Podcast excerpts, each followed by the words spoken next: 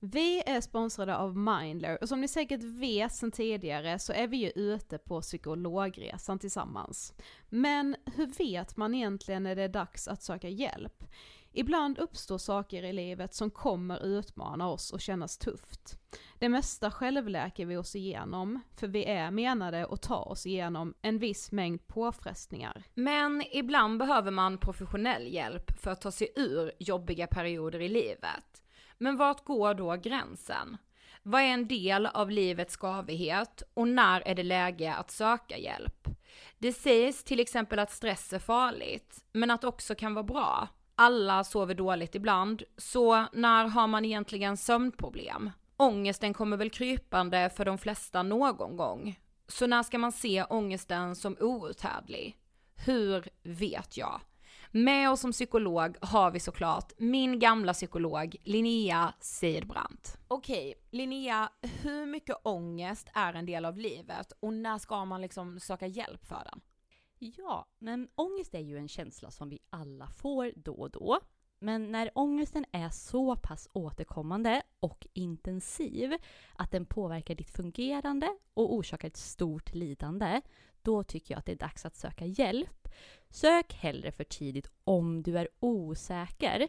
Då kan vi oftast med en ganska enkel insats förebygga svårare ohälsa. Och det är bra att tänka på att du förväntas ju inte kunna diagnostisera dig själv mm. med någon fysisk ohälsa. Och det behöver du inte heller kunna göra när det kommer till din psykiska ohälsa. Vi kommer att hjälpa dig att avgöra.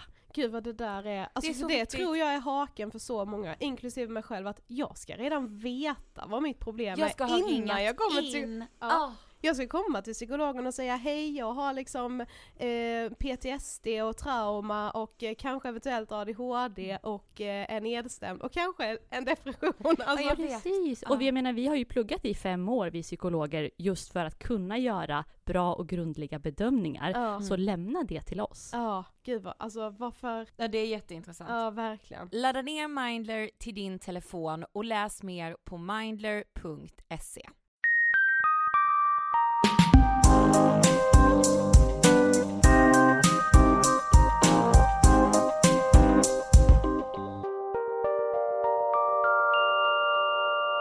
Hej allihopa och hjärtligt välkomna till avsnitt 225 är det väl? Ja men det är det. Ja. Av Ångestpodden! Woohoo! Yay! Hej allihopa, gud vad härligt eh, och vara tillbaka ja. i lurarna. Alltså så vi, innan vi drar igång, jag har blivit skimmad. det är verkligen inte kul. Nej alltså, jag... säga något med det ordet som det är, är så här, lite kittlande äckligt. Det är något som låter jättesnuskigt. ja. Det låter som så här pornografiskt på något lite. sätt. Lite. Ja usch, ja men jag har blivit skimmad, mm. tror jag. Alltså jag vet ju inte riktigt om det är det det handlar om här i det här fallet. Nej. Vad vi har att jobba med. Men jag har, alltså jag har ju liksom varit utsatt för ett bedrägeri va. Yes. Eh, och alltså det här är så nytt för mig, jag har aldrig, du vet man tänker alltid såhär, ah, det händer inte mig. Mm. Man hör om någons bankomat Samtidigt som, som alltså det händer typ alla någon gång under typ sitt liv.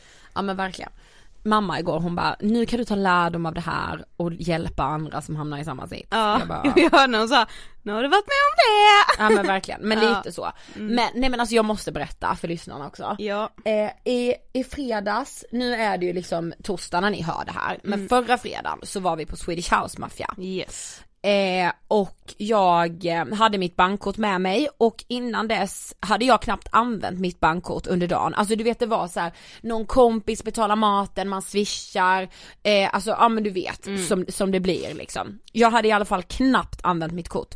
Jag hade reggat mitt kort i en app, eh, någon ny taxiapp och sen hade jag eh, Inga appar nämnda. Nej jo den heter Bolt. Ja. Eh, jag bryr mig inte, absolut Nej. inte. Och jag vet ju inte det, ska jag verkligen säga att jag vet inte om det är den appen. Men det är den enda appen som jag har reggat mitt kort i, mm. liksom. Men jag har ingen aning, jag målar inte fan på väggen som, så att säga. Eh, och mitt Coop liksom, som jag alltid handlar på. Men i alla fall. Och ehm, när jag, eh, så här, i lördags, jag märker inte det här på fredagskvällen och fredagnatten liksom efter Swedish House Mafia åker jag hem och liksom sussar sött så att mm. säga. Och dagen efter var jag lite stressad, jag kollade liksom inte mina sms för jag gör inte alltid det. Eh, för jag skulle ut till Åkersberga där min kille skulle springa ett lopp. Så mm. jag var du vet såhär bara gud stressad, måste hinna ut. Eh, och när jag väl är i Åkersberga på liksom Emils eh, så här, hotellrum Då kollar jag mina sms och ser att jag har fått så här från din bank, står det. Så står det så här, hej, vi har spärrat ditt kort, eh, mer information kommer i brev typ. Så hade jag fått den 02.38 då, natten till lördag. Och jag bara, vad i helvete? Tänker så här, det här är fake. Loggar in på min bank och, och ser ju då, så här spärrat, eller vad säger jag? Eh, Skyddat. skyddat belopp. Eh, det är typ sammanlagt 16 eller 17 dragningar som är så här 91,40, 47,60, 91,40 igen, alltså så här. Och när jag räknar ihop det här blir det ju 1 och 2. Och jag bara, vad i helvete? Vad gjorde jag på Swedish House Mafia? Ja men nej men du vet såhär, jag bara jag köpte inte någonting Nej. där. Eh, så jag ringer ju då du vet såhär spärrtjänsten och jag bara ni har redan spärrat mitt kort men. Och han bara men du kommer få all information i ett brev liksom. Och jag bara ja men eh, vad ska jag göra, typ jag är skiträdd. Och han bara men det är lugnt, ditt kort är spärrat. Eh, sen loggade jag in på min in- internetbank lite senare, då har det kommit två nya belopp och jag bara vad är det som händer? Den här, det är något som äter mina pengar. Jag är verkligen kapad. Ja, och då har de här skyddade beloppen försvunnit och istället står det i liksom min, min så här kontoradda, så står det itunes.com snedstreck bill. Mm. Som att jag har varit inne och köpt massa appar. Mm, ja eller köp i app kan Ja men det kan det också. Mm. Och jag bara, vad i helvete? Men då tänker jag ju först såhär, aha, då har jag lösningen. Mm. Logga in på mitt såhär Apple-id, nej nej nej, där finns inga köp. Jag bara, vad fan? Och då hade Apple, deras support stängt. Så nu i söndags så ringde jag dem, fick jättebra hjälp. Och Mm. då kunde ju de se va, att mitt bankomatkort var reggat på typ två andra Apple-iden. Mm. Vilket innebär att någon har fått tag på siffrorna på mitt kort och använt det för att köpa, ja, Diverse. appar som de kanske äger själva, jag vet inte. Mm. Men alltså förstår du vilken jävla hemsk upplevelse? Ja men alltså jag förstår inte hur folk kan vara så onda. Nej, Alltså- men, men jag tror också det här, jag tror inte det är belägrat i Sverige. För när beloppet var skyddat så var det ett annat och sen så när det kommer in på kontot så höjs det. Ja. Det är som att valutan är någon annan. Mm. Eh, det har jag ju inte heller någon aning om såklart. Nej. Nej men alltså det är Men- så vidrigt, alltså man känner ju hur någon är Alltså in under kläderna på Ja. när man alltså är i den situationen. Jag har Ja. inte varit med om pengar men jag har ju fått en mobil stulen. Mm. Och det var ju med, alltså det är vidrigt, alltså man Ja. vet liksom inte hur man ska jag vet inte, det känns ju som att man bara har blottat hela sig. Det, det var dessutom när vi fortfarande gick i gymnasiet. Jag, det kändes som att jag gick naken genom hela gymnasiet. Alltså hela Fast att skolan. någon vet allt. Ja precis. Men, nej men jag är ju inne på min internetbank nu hela tiden, för Ja. jag måste jag bara, nu har det dragits igen. Mm. Men det var ju just att de, det var två eh, så belopp som fortfarande var skyddade, nu har de kommit in. ja. Eh, och som icke skyddade, det står fortfarande iTunes. ja. Och någon annan stod det något konstigt också, Apple stod det typ där. okej. Eh, och då höjdes de. Mm. Så det var ju en annan valuta då. Ja. Mm. Ja sjukt. Jätte jättesjukt. Var rädda om er jag på att säga. Nej men men alltså alltså- man ska fan vara försiktig. Ja, ja, ja, och verkligen så här ko- spärra korten alltså, Mm. så fort någonting är konstigt. Mm. Och det är liksom så här, man är ju inte alltid inne på sin internetbank och håller på att kolla där hela tiden så jag menar, alltså även om det bara skulle vara, man märker ju ofta som det är en så stor summa liksom, för mig i alla fall är tusen spänn skitmycket, jag Ja. märker ju lätt om det är minus tusen spänn på mitt Jo, kort jo, jo, än vad jag tänkte mig. ja. Men så här, efter typ en utekväll, det skulle ju lätt ha varit, kunnat vara draget typ 200 spänn mer än vad det egentligen ska vara som jag hade tänkt såhär, ah, ja den där taxin blev väl lite dyrare än vad jag Precis. tänkte typ. Mm. Så man ska ju verkligen vara noggrann och Ja men det ja, måste man. hålla koll i dagens läge. Men nu är det faktiskt dags för oss att presentera vår nya samarbetspartner Sofie. Ja. Vi har ju numera ett betalt samarbete med Systembolaget! Fantastiskt. Jag har varit så exalterad över det här samarbetet och Jag ni kanske tänker så här, va, vadå Systembolaget? Mm. Vi ska berätta allt för er.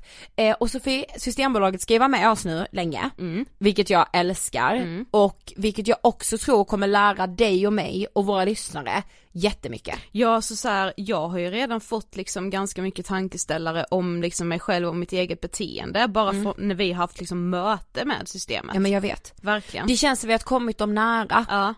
Alltså de vi liksom har jobbat med på Systembolaget, de är så härliga. Precis. Men du, så här är det som jag liksom vill börja med. Systembolaget har ju en vision Mm. och den visionen är ett samhälle där alkoholdrycker njuts med omsorg om hälsan så att ingen tar skada. Mm. Det är Systembolagets vision och så ser det ju inte ut idag. Nej. Vi är ju liksom inte där. Nej nej. Idag tar väldigt, väldigt många skada av alkoholen. Mm. Eh, men så här är liksom introduktionen till vårt samarbete så känns det viktigt att vi liksom berättar varför vi vill göra det här samarbetet. Vad, vad känner du liksom är vår grund? Nej men så här, Systembolaget är ju så mycket mer än glasbutiken där vi går och handlar alkohol. Systembolaget ska ju också förmedla allt det här som vi kommer lyfta i Ångestpodden med just liksom hur alkoholkonsumtionen ser ut idag, hur vi kan göra för att liksom minska den, hur många som faktiskt far illa, hur viktigt det är att se över sin egen alkoholkonsumtion och också hur viktigt det är att faktiskt våga påpeka någon annans alkoholkonsumtion om man känner själv att så här, jag tror inte riktigt den här personen har kontroll över sitt Precis. drickande. För det är ju så tabu idag att man vill liksom inte trampa någon på tårna för att så här, ja du är alkoholist, det känns liksom jättehårt Mm. att säga till någon annan människa. Ja men exakt och det vi kände var ju också att så här, samtalen kring alkohol, Mm. de är väldigt tabu, precis som alla samtal om psykisk ohälsa. Ja. Dessutom finns det ibland ett samband mellan alkoholkonsumtion och psykisk ohälsa. Och det känns liksom väldigt viktigt att vi också får belysa det och informera. Men idag har vi ju ett monopol. Idag kan vi bara köpa alkohol på Systembolaget. Och det finns ju liksom en anledning till det. Det är för att minimera alkoholskadorna, de blir mindre om liksom staten får, får verka kring det här. Och jag skrev upp en sak från vårt senaste möte eh, som vi hade med Systembolaget, där de sa en sak som verkligen fastnade hos mig för att jag så här, det blev som en liten så här, aha, just det. De sa så här, vi ska inte driva konsumtion utan minska skadeverkningar. Ja. och det är faktiskt det Systembolaget är till för Precis. idag. Man blir ju li- lite så här konfunderad, eller jag har i alla fall blivit det, du vet när man har sett de här reklamfilmerna som Systembolaget har just nu med den här amerikanaren som verkligen är säljdrivande, som är så åh vi ska ha köp tre betala för två och det ska vara liksom, här ska vi smälla upp nya fabriker då på de här vingårdarna liksom. Alltså, exakt. Att man, man bara, ja fan vilken tur att det inte är så. Men med Systembolaget så dricker vi 30% mindre än vi skulle göra om ma- mataffärer sålde alkohol. Det är så mycket. Det är faktiskt en väldigt, väldigt, väldigt skillnad. Ja. Och de 30 procenten, där måste vi verkligen räkna in skadorna som hade kunnat ske om vår alkoholkonsumtion hade ökat med 30 procent. Mm, jag tänker på alla barn till föräldrar som kanske dricker alldeles för mycket. Ja men exakt, eller föräldrar som har barn som dricker för mycket. Ja. Eller anhöriga, arbetsplatser, alltså allting. Mm. Och i liksom det här samarbetet, vi kommer ju avverka allt ifrån att prata om AV-kulturen till hur du och jag exempelvis beter oss på sociala medier med Ja precis, alkohol. som man liksom glamifierar alkoholen många gånger. Mm. Men verkligen. För i Systembolagets uppdrag så ingår det att informera om alkoholens risker. Så det ska vi faktiskt göra tillsammans med dem. Jajamensan. Jag är supertaggad. Jag med. Tack så mycket Systembolaget. Och vi är denna veckan även sponsrade av den fantastiska appen Mindler. En räddare när vården så ofta brister. Jag är varenda gång Sofie, när vi pratar om Mindler, otroligt stolt. Och jag blir också väldigt, väldigt glad för Mindler har ju varit med oss nu sedan januari. Och vi får ju väldigt ofta mail från våra lyssnare som har fått hjälp via Mindler. Och det är liksom, alltså det är som en present när vi får höra det. Men om nu någon har missat vad Mindler är så är det alltså en app som gör det möjligt att prata med en psykolog online. Varje besök kostar 100 kronor, man måste vara 18 år och frikort gäller. Men det bästa är att man, det, det krävs ingen remiss utan besöken är subventionerade av landstinget och man får tid eh, inom 24 timmar om man vill det. Eh, men det som jag tycker är bra med Mindler, som jag själv upptäckte när jag skulle boka mitt första besök, Ja. för jag har ju börjat mindla, eh, det är att man liksom eh, kan se vilka det är som har lediga tider och man ser då också om det är så här. jag kände till exempel att jag, av någon anledning, jag vet inte varför, men jag ville prata med en tjej. Mm. Och då ser jag ju liksom vilka tjejer som är lediga, Ja. vilka tider, alltså så här, man kan också ställa in ifall det är något eh, speciellt språk. Eh, och så kan man också välja då om det är något specifikt man vill prata om, om Ja. det liksom är generell ångest eller om det är liksom kanske paniksyndrom, det kan vara relationsproblem, det finns massa olika liksom. Men du vet det är nog det jag gillar allra mest med Mindler, att man direkt kan hitta någon som är liksom har spetskompetens inom det som man behöver hjälp med. Det, det är briljant. Ja och något annat som Miley har gjort som jag tycker är så sjukt bra det är att de typ har skapat en plattform för alla psykologerna som är anslutna till Mindler. Vilket gör att, säg att, att jag arbetar som psykolog på Mindler och jag har då en patient som börjar prata om någonting där jag känner att så här, det finns nog någon annan som har en liksom bättre kompetens på just det här ämnet. Då har de här psykologerna liksom ett forum där de kan skriva och liksom bara, nu har jag den här patienten, vill någon hjälpa henne eller är det någon som har tips till mig hur jag kan liksom hantera den här Ja, patienten precis. och det tycker jag, alltså det måste vara så tryggt också för psykologerna. Och en annan sak också som jag vet att jag har nämnt tidigare det är ju just det här med att, alltså enkelheten i att få söka hjälp via sin telefon men fortfarande få sitta hemma i en miljö som man kanske är trygg med. Det gör ju att steget att faktiskt söka hjälp blir mycket mindre och det tycker jag är väldigt älskvärt. Du laddar ner Mindler på App Store eller Google Play. Tack så mycket Mindler. Och denna veckan har vi som ni ser en collab igen. Gud vad jag älskar det var collabs. ett tag sedan. Det är någonting som händer ju när Ja. man får träffa en annan podd som liksom jobbar med samma sak som en själv men liksom verkar i ett annat ämne eller så här gör på ett annat sätt eller jag älskar det. Ja men det blir ju lite annorlunda avsnitt med för att när vi har gäster då har ju vi alltid förberett liksom frågor. Precis. Men det blir ju inte riktigt så när man gör en collab för då är det ju mer som att det är ett enda långt samtal som ska delas upp i två delar men det, liksom alla pratar lika mycket hela tiden. Men den här veckan så har vi ju som ni ser gjort en collab tillsammans med Raseriet, Ami och Fanna. Ja men det är otroligt. Nej men det är verkligen det för jag har lyssnat på Raseriet ganska länge Mm. och då är det ju extra kul för att man liksom känner att så här, gud nu får jag vara en del av den här podden som jag själv har lyssnat på. Det blir så konstigt när man hör sig själv i deras flöde. Ja, jag vet. För det ska ju sägas, del ett av det här samtalet som ni kommer höra nu, den finns i raseriets feed. Exakt. Så, så här, det, det, man kan absolut lyssna på det här samtalet Ja först. ja det spelar ingen Det är roll. inget som är bindande. Nej.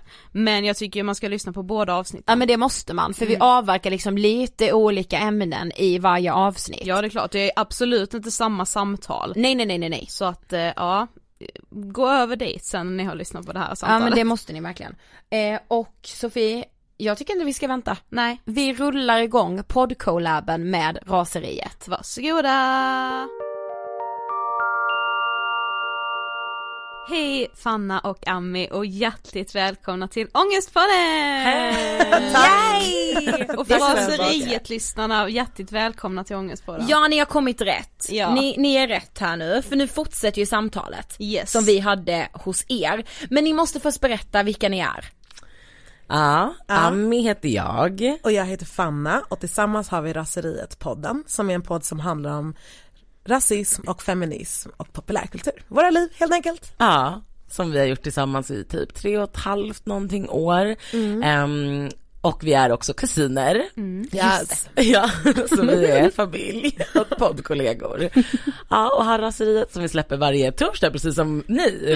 Eftersom det är den bästa dagen att släppa. Absolut. Torsdagen är bästa också- podden. Ja men jag tänker att ni måste ju ändå få Ångestpodden-frågan även Ja, ja, fast det det här är en collab liksom. Ja. Vi ställer ju Ja. alltid den här frågan till våra gäster. Vad tänker ni på när ni hör ordet ångest? Ehm, alltså jag tror att jag länge länge i mitt liv bara tänkte så att man säger så ah jag har ångest, alltså att det typ bara är att man har lite, att man är lite stressad, lite panik, lite så att något är bara lite jobbigt, ångest. Tills jag liksom fick, började få ångest på riktigt själv. Och också panikångest. Ehm, och mer och mer förståelse för vad ångest faktiskt är. Och när jag växte upp, då fanns det ju ingenting som Ångestpodden. Och man pratade inte om psykisk ohälsa så mycket som man ändå gör idag. idag. Eh, så då tror jag att jag faktiskt inte visste vad det ordet betydde alls. Men idag så är det väl ändå mer ångest, rätt, alltså ordets rätta mening, ångest. Ja. Ehm, om att må dåligt liksom. Ehm, för mig så är det väl en, en känsla som kommer ibland, som jag tycker är jobbig, eh, som jag har haft många män, liksom vänner omkring mig som har varit drabbade av sen man var liten, som det har varit jobbigt så. eh, jag tycker att det är intressant just för att det är typ så här Eh, det här kanske låter förminskande men typ så här, i, i mitt logiska huvud så är det så här ångest är liksom, det är en känsla på riktigt men vad är det egentligen? Jag kan bli så här provocerad när jag känner att ångesten kommer krypande på mig själv. Jag blir så här, det här kan du bara fan skaka av dig.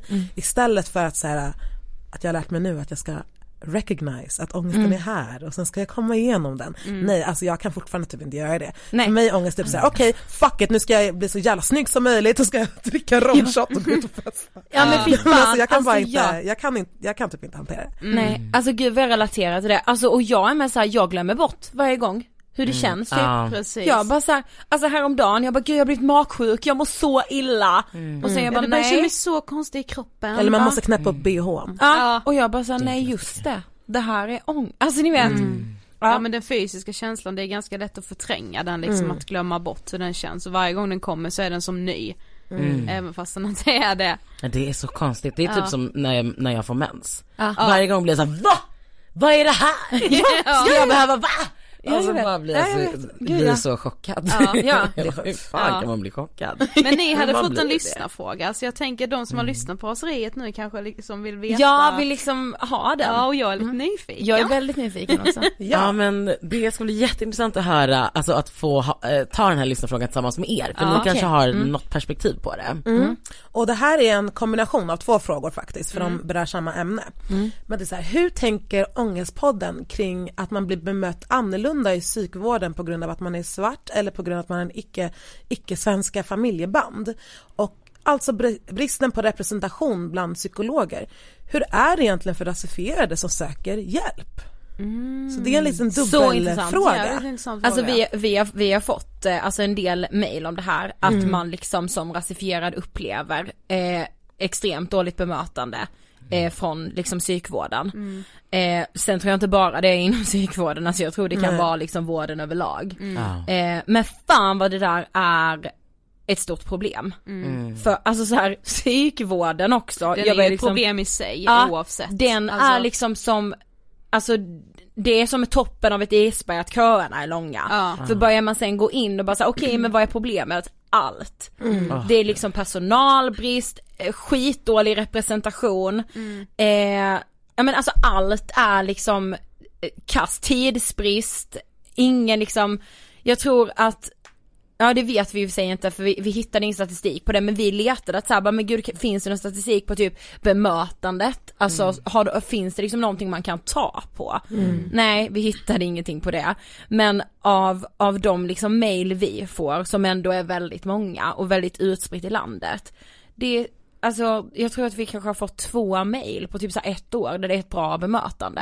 Och Resten det som- är kass. Nej men och det Alltså. som jag tycker är så jävla sjukt och som verkligen helt ärligt chockade mig extremt mycket nu när vårbudgeten kom var ju att man liksom, alltså man har ändå en känsla av, det kanske är för att vi ändå pratar mycket om de här frågorna så vi rör oss liksom bland folk som vill prata om psykisk Mm. ohälsa mer men det känns ju nästan som att uttrycket vi måste prata mer om psykisk ohälsa känns lite urvattnat. Ja. Och av just den anledningen så blir man liksom extra chockad då när man ser i budgeten att man ska dra in på psykiatrin.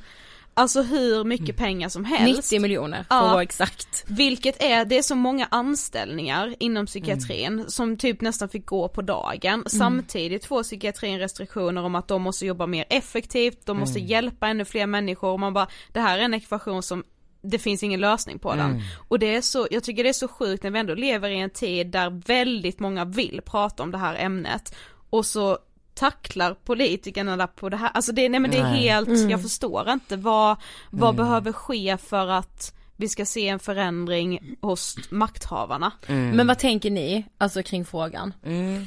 Alltså jag tycker det är en så fruktansvärt sorglig fråga i sig Verkligen. för att ehm, att drabbas av rasism är så sorgligt. Mm. Alltså det är så hjärteskärande och det är så Mm. psykiskt påfrestande. Mm. Eh, att då inte ens Ja exakt. Speciellt när man redan mår Ja. dåligt. Ja, Exakt. precis. Eller Ja. vara säker på att du får ett rasistfritt bemötande Ja. inom vården. Alltså det är sånt där som kan få en att bli galen. Ja. Ehm, jag förstår att den här frågan kom i just det här sammanhanget, Ja. Raseriet möter ångestpodden. Mm, ja precis. Men det gör mig ledsen att vi, att vi inte, sådär som vi pratade om i, i avsnittet på våran podd. Mm. Va, vad ska vi göra? Mm, vi exakt. kan inte rädda det här. Vi kan inte skapa svarta psykologer. Nej. Nej. Ehm, Nej jag vet, det är det som vi kan inte göra det. Ehm, men det sätter ju fingret på varför vi båda jobbar med det vi gör. Mm. Mm. Men har ni upplevt någon rasism, liksom när ni, om ni har sökt hjälp någon gång eller liksom? Alltså nej, jag skulle inte säga att jag har egna erfarenheter utav problemet. Men jag har ju liksom funderat om man tänker att jag, för jag går inte och pratar med någon. Nej. Men jag har tänkt att jag skulle vilja göra det. Och då har jag liksom, det, det är inte viktigt för mig att det är en rasifierad person. Men Nej. jag skulle helst vilja gå till en kvinna. Mm. Och det känns som en sån sak som liksom det skulle ju, det skulle man ju förstå i samhället om det bara fanns manliga psykologer. Ja. Eller manliga terapeuter och så vidare. Ja precis. Det är klart att folk skulle förstå att av vissa anledningar kommer någon vilja bara känna sig trygg med att gå till en kvinna. Ja. Och för mig personligen, liksom när jag har gått tidigare och pratat, då har det varit liksom en kvinna men det har inte varit en rasifierad kvinna, det har inte varit en svart kvinna och det har, har inte, det, har inte, det har inte gjort mig någonting. Men det är klart att jag skulle tycka att det var intressant att gå till en person som också liksom hade den här analysen åtminstone. Eller egenupplevda erfarenheter, Ja. inte för att det handlar om den personen så men att men åtminstone ha analysen. Precis som att jag liksom, men för att, för att kunna förstå just det som Fanna säger, alltså Exakt. hur psykiskt liksom utmanande det är att utsättas för de här typen av förtryck Mm. som liksom icke-vit person i Sverige eller, och, eller som kvinna om man har Exakt. utsatts för vissa typer utav, ja men vad det nu kan vara man har varit med om som Mm. gör att man vill, att man söker hjälp. Och jag vet att väldigt många har letat efter Mm. och så här på, i forum på, som vi är med på Facebook och så, så här, frågat på är det någon som känner till någon psykolog som kanske är svart eller som är rasifierad och ja, det är ju liksom ingen som vet. Nej. Nej. Alltså jag blir helt förfärad Ja. Mm. av det. Ja, vi borde det- med göra liksom Ja fråga, vi borde för med fråga det i vår, för vi har en ö, grupp eh, på Facebook, så här, ångestpodden vi pratar vidare, där borde vi verkligen fråga om det. Ja. Ja, det kanske finns någon. Verkligen, för att det som jag tänker är rädslan. Exakt. är att man inte vill bli dömd. Eller man vill, man vill att folk, eller den personen som ska hjälpa en att gå igenom vissa trauman eller vad det nu Ja, kan vara för precis. erfarenheter eller tankar man kommer med ska kunna se bortom det som är rasism. Exakt. Och det är svårt i vardagliga livet, det är svårt i relationer, det kan vara svårt inom familjer. Alltså så här, hur, ska, Ja. hur, hur ska det vara så jäkla enkelt för en som är psykolog då? Bara för att man är Och- utbildad. Nej, precis. Nej, men exakt. Precis, Mm. och det är också, kan ju också vara ens, alltså när man blir drabbad av ett förtryck om och om igen så blir man ju liksom också både avtrubbad men också kanske mer orolig för Ja, att det exakt. ska ske. Som Ami säger, nej men det är ju inte säkert att liksom, eller det är klart att en, en vit kvinnlig psykolog skulle kunna vara asgrym. Ja, Men det är rädslan att man säger, jag orkar inte att det ska Precis. ens kanske kunna ske. då blir liksom tröskeln till att söka hjälp som redan är hög, Precis. ännu högre. Ja. Eh, Men, men jag undrar till eran podd, om ni, för, för jag tänker så här, den här frågan, att det är också kopplat till att så här, inom många kulturer så är det jätteskamfullt att liksom, eller det finns inte på kartan snart, Nej. att liksom gå till en psykolog och berätta om dina problem eller våra problem i familjen, vad det kan vara. Alltså, att man, alltså, det finns inte en kultur av att gå och Nej. prata med någon om man säger så. Men jag tänker också att det kan också vara en klassfråga, Alltså även om man kan få hjälp via kommun, om man nu får det. Eh, men att gå och liksom prata med någon är också något som kan vara, ofta är svindyrt. Absolut. Så till er liksom, hör folk av sig till er och bara jag vet inte, som inte har den här kulturen i familjen av kanske att man går till en psykolog liksom. Jättemycket. Pratar de mer om det? Ja, Ja, vad säger de då, då? Jätteintressant.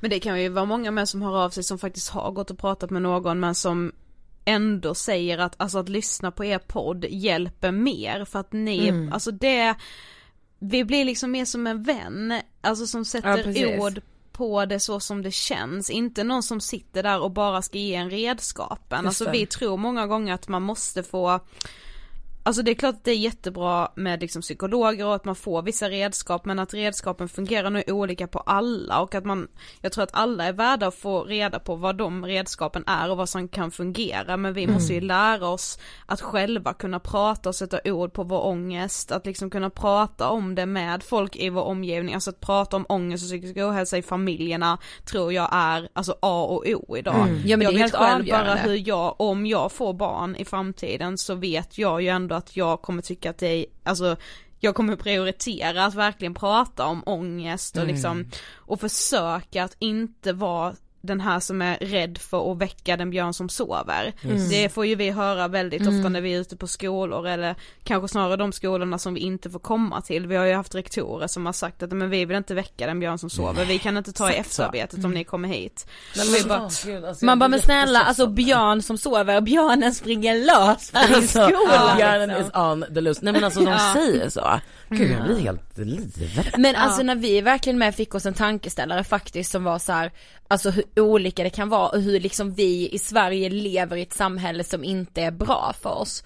Det var när vi var för en vecka sedan var det bara, typ en och en halv, så var vi och föreläste på Handelshögskolan i Göteborg. Eh, så var det en kille som kom fram till oss efteråt, han hade jätte, jättemycket frågor. Eh, och han hade bott i Sverige, var det typ två år, Ja, tre år. Mm. Eh, och kom från Kazakstan. Eh, och sa så här bara, ah men gud jag är så eh, fascinerad av Sverige och att det är så modernt land men jag läser överallt att unga mår sämre och sämre och sämre. Och vi bara försökte besvara hans frågor, han typ, ah, tror ni mörkertalet är bland killar och sådär. Och sen sa han till oss att bara, men när jag bodde i Kazakstan så drömde jag bara om att få komma till Sverige och utbilda mig. Och nu när jag är här och har bott här i tre år så känner jag hur min psykiska hälsa försämras. Åh herregud. Det är Eh, så att- sjukt. Och vi bara okej, Ja. liksom och han Och bara, vad, vad kunde han härleda det till? alltså han han, kunde inte riktigt nej, det. alltså han, Det han var det bara såhär, som- gud jag tycker bara det är så konstigt. Han bara, jag lever liksom på ett, jag lever ett friare och liksom modernare liv här i Sverige än vad jag gjorde i Kazakstan. Men ändå känner jag att min psykiska hälsa är liksom påverkad. Alltså det där är så himla intressant för det, det blir det här med vad är lycka typ. Ja. Alltså vad är att må bra. Exakt. För att man har ju på ena sidan att leva i ett demokratiskt fritt samhälle. Alltså det är ju highly alltså prioriterat. Ja. Men sen också vad är lycka och vad kan bidra till lycka på Precis. andra sidan. Alltså det här är en helt annan grej men jag var, åkte i en taxi för några veckor sedan och var så här ja men sur och arg, jag hade pratat med min kompis som bor i New York och var bara så, "Åh, jag hatar Sverige, så lär jag, lär jag followern så här. Och så sa taxichauffören så ja nej men jag, jag, jag, jag förstår inte vad, hur det kan vara så, så här för, för er. Så här, han var du är eh, ung, vacker kvinna, glad, va, varför, Glad, va, varför hatar jag? Så jag Jag bara. Ja men för jag var ändå trevlig mot honom så jag alltså, jag var falsk. Jag bara hej och sen bara hej kompisen bla bla bla. Han var såhär, eh, för jag var bara såhär det finns ingen som raggar på mig, det är ingen som tittar åt mitt håll, bla bla bla. Han bara så han bara nej men jag förstår det, han bara jag vet inte hur jag skulle gjort om det inte vore så att jag var liksom 50 år och hade min familj här. Hade jag varit 29 år, han bara jag hade flyttat tillbaka till Irak. Du vet jag bara, vad sa du? Han bara ja, han bara, han bara i Sverige finns det inget liv, det finns ingen lycka. Nej. jag hade flyttat tillbaka till Irak. Jag Då tycker- fick jag säga, jag bara vänta vad Alltså, sa det- du? Men det är så Irak. alltså jag blir helt knäpp på det. Ja. Det känns så jävla tomt på något sätt. Alltså Ja. så här, jag vet inte, det känns som att jag vet inte, det känns som att vi liksom ifrågasätter livet alldeles för mycket på något sätt. Alltså så här, det är så, känns så intetsägande och många i vår generation kanske framförallt som liksom, vi lever så jävla mycket genom typ vad vi kan visa upp på pappret eller liksom så här. Ja, framförallt och vi kan visa upp på sociala medier. Precis. Att liksom, jag vet inte, spegla någon bild där av verkligheten som ju liksom inte ens är verkligheten. Nej men alltså så och det är så- ju, alltså det är ju lite som vi liksom var inne på när vi avslutade hos er, att så här, vad ska jag göra med mitt liv, ångest. Mm. Alltså i typ, alltså i andra länder finns inte ens den ångest, alltså egentligen. Men det är ju för att Men det är så sjukt för egentligen, jag vill inte säga att det är så här lyxångest, för den är ju så jävla påtaglig för en och här, alltså jag kan må så dåligt över det. Men, Men det finns väl någon sån där grej om att valmöjligheter. Precis, Ja, jag så skulle precis säga Ja, just okej. valmöjligheten. Att det, jag tror att vi har för mycket valmöjligheter här för vårt eget bästa. Mm. Det är nog lite det så här. Det pratade vi med om i vår bok, att just så här, kan det vara liksom den här ständiga jakten på lyckan som gör det, det är det som gör oss olyckliga. För att vi bara så här, vi strävar hela tiden efter något ouppnåeligt och som att lyckan liksom är så här, den vilar bortom horisonten men man kan ju aldrig nå horisonten men det är det, hela tiden dit vi strävar liksom. Så vi glömmer typ bort att leva längs med vägen. Ja fast man tvingas att leva i nuet på ett annat sätt Ja. i andra samhällen kanske. Precis. Mm, mm. Jag tror det. Men kan ni typ ha ångest för att så här, för vi skrev lite om det här till varandra innan, alltså så här förväntningar kring hur ni ska vara som vuxna, alltså förstår ni vad jag menar? Att så här, jo men okej nu har jag fyllt 30, nu måste jag vara på ett visst sätt. Mm. Ja, Ami som har fyllt 30. Just det. Just det. Eh, nej men, eh, och det är fortfarande den sexigaste åldern, men i alla fall. Ja. Ehm, Ser fram emot den. absolut. Jag också, nu längtar jag. Ja, alltså välkomna. Det, ska man säga var- exakt varför det är så sexigt att vara 30? Ja, ja tack. Just det, det är för att man blir ung igen. Ja just det, för man kommer in i en ny box. Och då är man bara 30. Ja. Oh my god, det är bara 30. Jag har tänkt så- på det så. Så är det. Det är så sant. Mm. Ja. Mm, det är Jag är så. liksom slutet av 20. Ja det är såhär, Gammal. ingen vill Ja. veta. Men nu bara, aha du är bara 30. Um, jag är sig 30 alltså, men whatever. Nej men jo, alltså såhär jo, och för mig är det, för jag är väl den enda, ja just det, jag är den enda här som har barn. Mm. Ehm, ja för jag tänkte ändå på det, alltså kun, kunde liksom din, har din psykiska hälsa förändrats sen du blev förälder? Alltså så här, typ mycket existentiell ångest som kanske försvinner för att man har, alltså jag vet inte, ja men har ja, det ja, ja, förändrats? så, ja, aha, ja, ja, när du säger så, utgår du då, eller tänker du då för att må, många har som mål att, alltså att barn är ett sånt stort mål så att man har liksom, Jag att man har tickat av den? dels det eller också att man kanske, man kanske får ännu mer oro för typ så här, det känns, jag kan ibland tänka liksom när jag har mina skov av klimatångest så kan jag tänka, vill jag ha- sätta ett barn till världen om jag inte ens vet hur världen kommer se ut om 20 år, alltså så här, mycket sån ångest kanske, alltså jag vet inte, ser man liksom Ja. saker på ett annorlunda sätt? Så insiktsfull blir man ju inte. Nej men alltså, nej, nej, men alltså när, jag, när, när jag precis hade fått barn, då hade jag liksom perioder av alltså jättemycket ångest. Men det är också väldigt så här, det är så mycket som händer med kroppen, det är Ja. väldigt mycket hormonellt. Men då var det, det var som att det blev för mig så här, det var så övertydligt hur liksom oskyldig människan är. Ja, Och att det är så märkligt att vissa människor är så elaka. Och att vissa människor använder all sin tid, och också så här, ja men vi som då poddar och pratar om rasism vecka ut och vecka in. Och så blir man så här, va? Alltså varför? Alltså det låter jättebanalt men det var verkligen så jag kände, att man bara, det här, alltså jämfört med det här som är att varje människa ändå har liksom kommit till på något vis och Ja. bara varit en sån, ett barn liksom Ja. till allt, ja, men det blir ju för sjuk kontrast helt enkelt. Ja. Så då kunde jag få jättemycket ångest och bara var, jag vill verkligen quit the world. Alltså jag var så här, jag är färdig med omvärlden typ. Men men sen lugnade jag kanske mig lite i det där men nej men alltså nej nu är det ju mer att man har ångest kopplat till förväntningarna som mamma. Alltså Ja. vi kvinnor har miljarder förväntningar. Det är verkligen damn if you do, damn if you don't redan. Ehm, och som feminist har man massa förväntningar hur man ska vara. Också damn if you do, damn if you don't. Det är Ja. jättesvårt att vara liksom perfekt eller vara bra ens typ. Ja. Och sen så mamma är också en sån liksom att man känner sig alltid, ja men det är lätt att känna sig otillräcklig liksom. Mm. Som varje, ja. Så det är ju en ny typ av ångest. Verkligen, men också den här typ att det är så mycket känslor.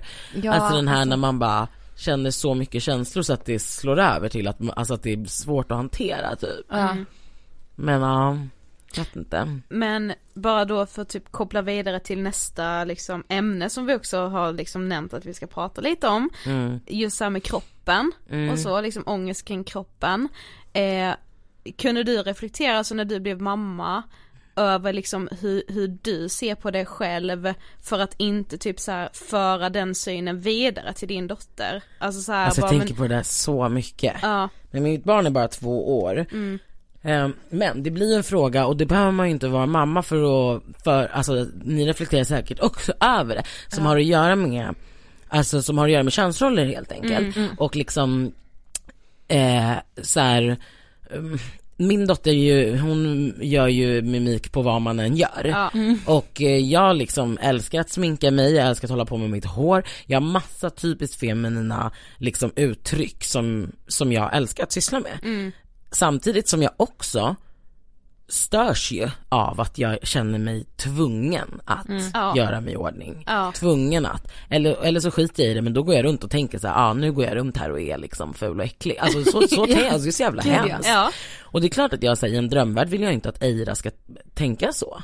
Nej. Men hon, absolut, hon, hon, det är klart att hon kommer att hon härmar ju mig. Och vad ska jag göra? Jag har vänner som har valt att till exempel inte sminka sig under flera år. För att de vill inte göra det inför sin dotter. Mm. Men ja, ha- det är men liksom, jag vet inte hur ni tänker. Alltså för, och samtidigt Ja. vill jag inte att hon ska någonsin tro att kvinnligt betingade eh, liksom könsstereotypa grejer är sämre. Nej. nej Alltså om, om man är Gud, intresserad av alltså- smink, om man är intresserad av whatever, Ja. do you. Alltså sam, förstår du? Men samtidigt vill Ja, jag, ja, ja. jag vet inte, jag vet inte. Nej men det är skitsvårt. Men kan ni känna att er ångest kring kropp och utseende ökar nu, alltså under vår och alltså när sommaren är på ingång? Alltså vet du, jag tror att den här sommarhetskroppsångesten ligger latent i mig hela tiden. Ja. Alltså man är såhär, man bara, nu är det november, kanske dags att börja work on that summer body. Ja, Så bara, nu är det alltså, december, ja. ja. ja jag har ändå tre månader kvar innan jag måste, och sen så bara, ha. Alltså det här är det mest. Man utgår Och sen varje maj, jag bara fuck it jag körde inte den här året heller. Ja. Go to Nu the beach and have a body, that's how you have a beach body. Ja man tar den där gamla memen och bara repost. Om och om igen. Men hur känner ni? Ja men jag känner alltså, Exakt ja! så. Det ligger latent i mig. Alltså ni vet, jag alltså verkligen såhär i oktober, man bara gud vad skönt att jag inte behöver oroa mig ännu. Ja. Och sen så är man såhär, Gud, december och sen så bara, nu börjar det nya året, nu ska jag så här, ta tag i det här. Bara spottar. Och det här också som ens egna kropp. Det är så sjukt. Det här.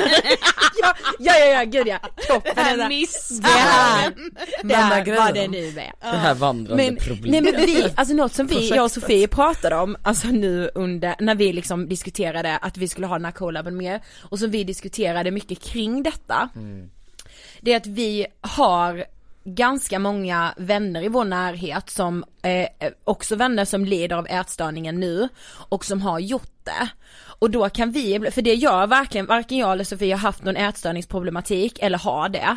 Eh, så ibland kan vi känna att så här, gud har vi rätt att prata om vår kroppsångest? Eller blir det bara en trigger för att så här, oj tänk så tänker våra kompisar va? Men de brukar ju säga att de liksom trivs i sina kroppar. Om de, alltså så här, förstår ni? Ja och det är ju också verkligen en sån sak som jag nämnde i er podd, just det här med att liksom leva som man lär. Att liksom, just det här med kroppen och liksom, ja men ideal och vad man äter och hur man tränar och så här, det är en sån sak som är så himla, alltså jag vet ju vad som är rätt och fel egentligen. Det är jättetydligt i mitt huvud, men jag känner inte det liksom i, i själen på något sätt. Men Alltså- jobbar, jobbar du liksom aktivt med så här, ja men att kroppspositivism eller vad man nu vill kalla det liksom, att, att försöka ändra det här. För även om du har i förnuftet, Det sjuka men i känslan. Liksom. Ja precis, det sjuka är ju också att jag verkligen så här. Jag, jag vet inte om jag vill ses som den här kroppspositiva personen. Alltså så här, jag vill inte att folk ska tänka, om jag lägger upp en bild på Instagram i bikini, så vill inte jag att någon ska tänka, åh vad cool hon är som lägger upp en bild på sig själv i bikini, trots att hon har liksom storlek, ja storlek över eh, idealet. Amin, gumman. Nej men gud det här har typ varit mitt hjärteämne. Ja! Exakt det. Ja, ja. Ja nej men, nej men det är sjukt. Ja, Ja Alltså, men vi jag- är tillskriven rollen body positivity aktivist. Jag Ja. till och med- till och med blivit omskriven i typ så här någon tidning. Som What kropps- the fuck är det, Jag har liksom? aldrig sagt. Nej. Alltså jag har aldrig sagt att jag är nöjd med min kropp, jag har heller aldrig sagt att jag är missnöjd med Nej. min kropp. Nej. Jag har aldrig liksom, och jag är inte, nej men som du säger, jag är inget statement. Nej. Det är så här jag ser Exakt. ut, alltså Ja. snälla typ, Ja. liksom, och att så här, men Amy Schumer har ju gjort ganska mycket roliga skämt om det här. Mm. Hon bara, när man lägger upp en bild så är liksom det sista man vill höra att man är brave, för hon hade ju fått det. men Hon jag- bara, Du är så Precis. stark gumman Ja. vågar visa dig själv. Ja. Ja vadå, för att, ja helt enkelt du borde skämmas. Ja. Ja exakt! Alltså det är så, här, idag känns det som att har man en cellulit så är det så här, fan vad modig du är! Mm. Wow! Man vet inte ens hur ni ser man bara vadå? Så bara, nej men det har ju funnits lite. Exakt, du är liksom, bara men gud bristningarna syns ju i kameran liksom. Ja. Man bara, ja okej. Alltså gud det är så ett statement också. Ja, Jag och faktiskt en sån så här- kommentar Ja. nyligen på min Insta. Ah, Ja, ja men och lite så här med, med att så fort man då inte är den här idealkroppen då har man liksom en, då är det som att man har gjort ett val att inte ha den här kontrollen över sig själv. Att jag liksom såhär, ja men okej, jag har alltså inte disciplinen nog att gå till gymmet så som jag borde göra. Jag Nej har det är inte att, att dricka öl. Ja, Ja. jag har inte disciplinen nog att liksom äta cleant och hela den Ja, grejen. precis. Så nu har jag valt att istället leva kanske lite osunt men härligt. Och då, och då får det vissa konsekvenser. Alltså så Då här, får det så här, som du great. tydligen är okej med och därför är du modig. precis. Man bara, Stark. ja, och det Ja, där alltså, hatar det är sjukt. Ja. Och det där är också ett väldigt så här västerländskt grepp. Ja. För att liksom vi som, alltså våra så här eh, pappor och liksom har varit, alltså så här, om man tänker, ja det är inte ens bara för Gambia utan jag menar Västafrika eller ja, Ja. Mm. Eller bara väldigt, på väldigt mycket platser utanför västvärlden. Ja, så, så faktiskt existerar ju inte det här smalhetsidealet på samma sätt. Och liksom det räcker ju med att man är, när vi reser till Gambia, och man är där i en minut. Tills, så har man ju släppt en hel del utav Ja, den här idén. Och helt andra ideal. Alltså jag kan, du vet där kan jag ju helt plötsligt känna mig så "Åh, jag är så tråkig, min kropp är så, du vet helt plötsligt, det är ju Är du helt det- plötsligt okurv? Ja helt, plötsligt- nej, helt plötsligt är man liksom att jag har inga former, jag har Ja. ingenting och att folk har liksom, och, ja, jag vet inte, det, och så kommer man tillbaka till Sverige och så liksom känner man sig så jävla fel och så Ja. opassande och man är, Ja, alltså- och det är verkligen, man kan ju typ vakna med en inställning till sig själv och sen går man ut och möter världen och då helt plötsligt känner man sig så fel. annan? Ja. Eller om man ska alltså. testa kläder och så finns det inga storlekar och det, vad är en storlek ens? Det är bara mm. påhittat. Ja, har ja, exakt. Min kropp, alltså det är så sjukt hur man kan pendla som du säger i känslan och i förnuftet. Ja. Inställningen till Men vi läste en undersökning som var gjord, alltså på rika länder och fattiga länder. Mm. Där vi, liksom i de rikaste länderna så är idealet så här väldigt smalt, för att det finns liksom ett överflöd av mat så är det också Mm. så här, men gud då ska vi visa att vi har kontroll. Men i väldigt fattiga länder är idealet istället att vara tjock, för att då ska man liksom istället visa att jag är, jag är rik, jag kan Mm. äta. Det är så här, men va, alltså vi har fan bara hittat på de här idealen, ändå dansar jag efter pipan igen. Så här, gud nu måste jag liksom, jag fick ett sånt riktigt bryt för typ två veckor sedan tror jag, där jag bara såhär, alltså jag bara grät och grät, min kille bara så vad är det? Och jag bara, jag, alltså jag, jag kunde inte ha ett par jeans som jag kunnat ha liksom innan, alltid kunnat ha dem, bara okej men jag har verkligen gått upp i vikt. Och bara blev så här, alltså helt jävla förkrossad. Jag bara varför sitter jag här och gråter? Alltså varför gör jag det? Jo för jag blir liksom såhär, nej gud nu är jag ännu längre ifrån ideal, alltså så här. Och jag liksom där och då, eller så här, jag grät typ för det, men sen grät jag typ mer för att jag grät. Alltså mer, ja, ja. meta. Bara nej, det drabbade även mig. Åh gud det där är så sjukt, när man Ja. går upp i den. Alltså, gud, jag, jag bara glömde att man, men för sådana bryt har jag ju såklart också Ja. haft, men nu är det ett tag sedan, men jag bara, nu kände jag verkligen känslan Ja. när man bryter ihop över att man bryter ihop. Men hur stödjer ni varandra i det här? Alltså, kan ni prata öppet Ja. med varandra om de här ångesterna? För att så här, jag och Ami pratar också ibland om det här och Mm. kanske framförallt innan vi ska göra saker som är typ så här, vi har gjort eh, Ami Fanna strip trip och Ja, ja. nu kommer Ami Fanna strip trip. Jag menar att vi ska bli filmade. Ja, precis. fy Går att se fan, vad SVT Play. nice. Ehm, alltså att vi bara, ha Ja. vad fan ska vi ha på oss? Hur fan ska det här se ut då? Ja. Och sen bara, men gud, Ja. we're on a fucking mission. Kan vi fokusera på vad vi ska göra Ja, men exakt. Eller bara, jag kommer inte gå plant-based diet Nej, i tre nej. veckor innan. Alltså nej, juice jag kommer inte göra det. semestern. Ändå det kommer tanken upp i huvudet. Ja. Ja. Nej. Att man ska vara go vegan, raw food, tre Ja, veckor innan. ja Va? men verkligen. Alltså, vadå, alltså vet ni vad vi två gjorde en gång? Detta är så sjukt. Då gick vi på någon sån här flygvärdinnedieten skulle vi gå Var det på. grapefrukt och Nej. ägg? Ja det var ja, bland annat. Och sen var det sån här herkoväts. Ja. Ja. Ja. Nej men alltså ni, ni vet ju Hur känslan. länge höll ni på? Eh, vi pallade två dagar. Ja, det var inte länge.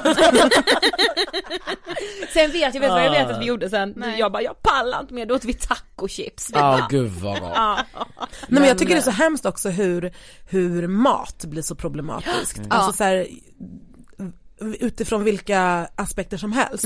När att äta blir ett problem. Exakt. I, alltså i vad man vågar, kan, ska, bör Ja, käka. Alltså det är så Precis. jävla fel. Ja, och där kan man ju också så himla snabbt, alltså typ hela tiden tycker jag bli påmind om att man gör de här fel vaden, valen i vardagen då. Bara åh jag skulle valt det där istället när jag var på restaurang för det är ju lite lättare mat liksom eller så här, eh, typ som det är ganska många så här kedjor som öppnar upp nu i Stockholm, eh, bland annat eh, vad heter de nu då? Reload. Ja, reload.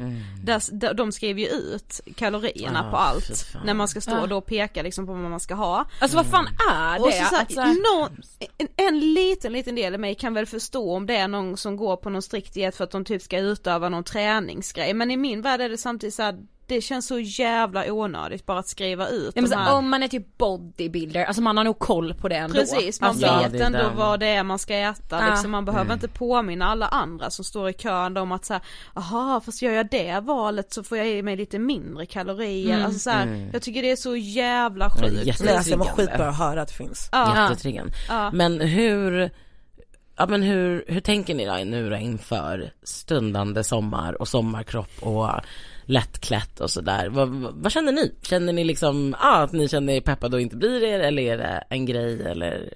Alltså det där ni? går i perioder för mig. Ibland kan jag vara så här, jag, jag orkar inte bry mig, jag kan inte lägga min tid på det. Att så här, jag bara gud alltså det finns så mycket saker jag tycker är kul att göra. Ska jag liksom lägga, ta från den energin till att göra de roliga sakerna till att så här, hata min kropp. Men sen så här, alltså man är liksom kvinna i ett samhälle som gör allt för att jag ska vara missnöjd. Då, så ibland bara faller man ju in och bara nej gud det blir inget strandhäng den här sommaren liksom. Mm. Ja, men jag tror, alltså jag, jag försöker ju typ påminna mig om att så här, skulle jag vara, ha kroppen som är lite mer idealkroppen liksom, då hade jag ju med alltså 110% säkerhet ändå haft någonting på min kropp som jag störde mig på. Ja. Så det spelar liksom ingen roll. Eh, men det är klart, alltså jag testade liksom min så här, jag hade beställt hem en ny bikini nu, som jag testade för typ två veckor sedan. Och det är typ så här när man klär av sig klä, alltså så här, det blir som en liten påminnelse, det vet jag att jättemånga brukar skriva till oss också inför sommaren att så här, sommaren är så jävla jobbig av den anledningen att man ska ha så lite kläder på sig, första gången man ska gå ut barbent blir det en påminnelse om att mina ben är lite för tjocka typ, eller åh nej jag har fått celluliter. Eller alltså så här, eh, det är så avklätt och att det är liksom lite jobbigt att vilja vara den som har mycket kläder på sig för att man typ skäms över sin kropp. Det är ju jättehemskt men alltså eh, ja, Men mitt, att, mitt värsta är att ordet tjock är så negativt laddat. Ja. Alltså det är mitt, alltså jag blir arg, varje, varenda dag är jag arg på det. Ja att det ens Alltså- är ett negativt ord, Ja, det är ja. egentligen bara ett sätt att beskriva. Men det Precis. var i och för sig väldigt kul när vi var också i Gambia, alltså Ja. igen, försöker bara sätta det här, påminna om att det här också är ett, som du sa, ett på, Kontextbundet. på, hittat ideal som är kontextbundet. ja. Ja. För när vi var i Gambia då var det ju så roligt för liksom flera av våra vänner fick ju typ så här så mycket komplimanger för att de var fatt. ja. Och bara såhär, ah the fat girl, the fat Hi sexy fat gal! Ja. Man bara, Så här, that's how I like them fat, typ sådär. Och liksom, först när man hör det då blir det så här weird och typ att alla i sällskapet bara äh, blir så oj vad, ta- äh, så, oj vart det här jobbigt för någon nu eller? okej. Men sen så bara Nej men det är ju verkligen en komplimang. Ja. För det är bara som såhär tall girl, alltså jag bara det är bara olika sätt att bli objektifierad okej? Nej men alltså, men liksom whatever, det, det är i alla fall inte med negativa associationer. Nej, utan det är bara ah that fat girl eller that tall girl eller that whatever girl.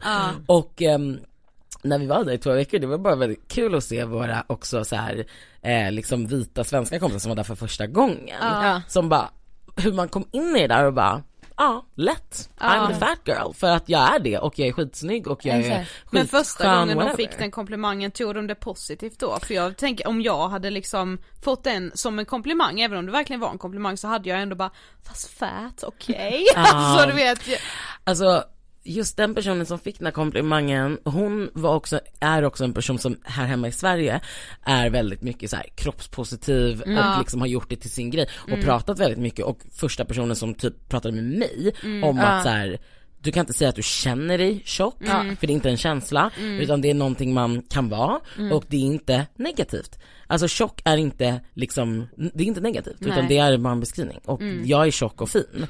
Och fair enough liksom. Så det är en person som så här, har jobbat mycket med det här, plus att inför resan så var det ändå som att vi hade pratat om det. Okej. Att jag är så här, ett, ni kommer få uppmärksamhet generellt Mm. eh, och det kommer att vara så här, och, liksom, och att där är det ett helt annat Mm. ideal.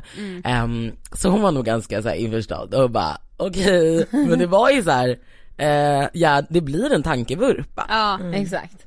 Och det blir också att man får syn på hur Sverige och västvärlden förhåller sig till kroppar. Exakt. När man bara what the fuck, det är Ja. strukturer och tankegångar. Ja. Och Mm. kultur, det är Ja. kultur. Ja, ja, ja. Mm. Men man kan inte heller komma ifrån den här grejen att så här, ehm, liksom vi pratade lite om så här smalhetsideal och smalhet och att prata om bantning och sådana saker i vår podd för ett tag sedan. Och att så här, mycket av, alltså Avsnitt 101. Ja, och typ så här, man kan inte heller komma ifrån att för mig kan det bli så, pro- jag kan tycka att det är så sorgligt också utifrån att i det här patriarkatet som vi lever i och i allt det här kvinnohatet vi lever i så är det liksom hela den här idén om självsvält jag vet att det inte är ett val, alltså jag vet att anorexi, bulimi och så vidare är sjukdomar. Ja. Ehm, så jag menar inte att bara vä- välja att inte göra det, jag menar Nej. inte det. Men jag bara menar att en del av det handlar ju också om, alltså att som kvinna, att man förminskas ju på olika sätt i livet hela tiden. Och att det här också är mycket internaliserat självhat och själv, alltså kvinnohat. Och som handlar om att man ska hela tiden vara man ska vara så tunn som luft. Man ska fan inte, Inte finnas höras, liksom. inte synas. Exakt. Nej. Verkligen. Mm, Så och ha sån jävla sorgligt. kontroll på sig själv liksom. Mm. Bara Ja. kolla vilken disciplin jag har liksom. Ja, och men så här. precis. Ja, ja. Uh. Och då blir ju kvinnan som inte lever upp till exakt det, då blir hon liksom modig för att hon är, och så, Ja. ja Mm. visst, Precis. jag vet inte, Nej, man, man blir lite galen på det faktiskt. Jag faktiskt. tror vi ska börja avrunda här. Ja men vi Mm. ska det. Ja. Men alltså hörni, Får ju, nej men vi får alltså jag har ju halva pappret kvar. Ja. alltså vi får vi får göra detta snart igen. det Det måste så kul. Ja. Det var jättekul att vara här. Ja, Sjukt och har ni kul. bara lyssnat på Ångestpodden här nu så rekommenderar vi starkt att gå in på raseriet och lyssna Nej nej men det. ni måste det, alltså annars kommer ni inte hänga med liksom. Alltså, ni, måste, nej. li- ja, ni måste liksom in i raseriets feed nu och lyssna. Men tack så jättemycket för att ni vill gästa Ångestpodden. Tack så jättemycket för att vi fick komma. Så Tack. bra podd. Otroligt. Nej men herregud, vi har inte pratat rasism knappt i podden innan. Nej det har vi faktiskt inte. Det tycker jag är lite konstigt att vi inte har varit och, och liksom, jo vi har varit och snuddat vid det, det har vi varit med, med liksom olika gäster. Men vi har inte så här renodlat pratat rasism. Nej. Och det känns som att vi faktiskt behöver göra i, i Ångestpodden. Det ska vi absolut göra mer. Ja. Gå nu över till Raseriets feed och lyssna på samtalet vi hade i deras podd. Mycket trevligt var det. Men du det här måste jag faktiskt få säga, Ja. Ami och Fanna, när de kom in på vårt liksom nätverk. Nej men de är så De, fucking coola. nej men vet du vad de är också? Som en lång varm kram. Ja. Alltså så här, jag vill helst vara nära dem, jag ska, kanske ska ringa nu, som jag sa i podden, jag kommer börja ringa Ami nu om saker. För att hon ändå Hon är bara, "Aj, nu är 31 det och kan plocka igen." ner mig, ja men lite. Ja. Ja. Ja, stort tack för att ni har lyssnat och stort tack till eh, Ami och Fanna för att ni ville gästa Ångestpodden. Otroligt, det här gör vi om. Ja. Men eh, vi har ju släppt en bok också. Ja det har vi. Den heter Vi borde vara lyckliga och vi, ni borde köpa boken. Nej jag För skojar. då blir vi lyckliga. Ja exakt. Jag tycker verkligen att ni ska eh, köpa den. Jag är så jävla glad för våra recensioner. Ja. Alltså den är ju verkligen hyllad och det vågade man ju knappt drömma om. Nej, men en annan sak som vi också kan tipsa er om att göra om ni kanske inte har liksom möjlighet att köpa boken så gör så att era bibliotek tar in den. Exakt. De kan liksom beställa hem den. Vi vet att det är väldigt lång kö på vår bok på till exempel Stadsbiblioteket Ja. i Stockholm. Eh, men då kanske man kan ligga på så att de tar in några fler. Precis för de kan ta in fler ex. Ja. Det kommer ju en skitrolig sak om boken längre fram också. Mm. Skitmycket roliga grejer kring boken kommer jag på nu. Yes. Herregud Sofie det är så kul att göra ångestpodden med dig! Detsamma. Ja. Tack så mycket för att ni har lyssnat så hörs vi som vanligt nästa vecka. Hejdå! Hejdå!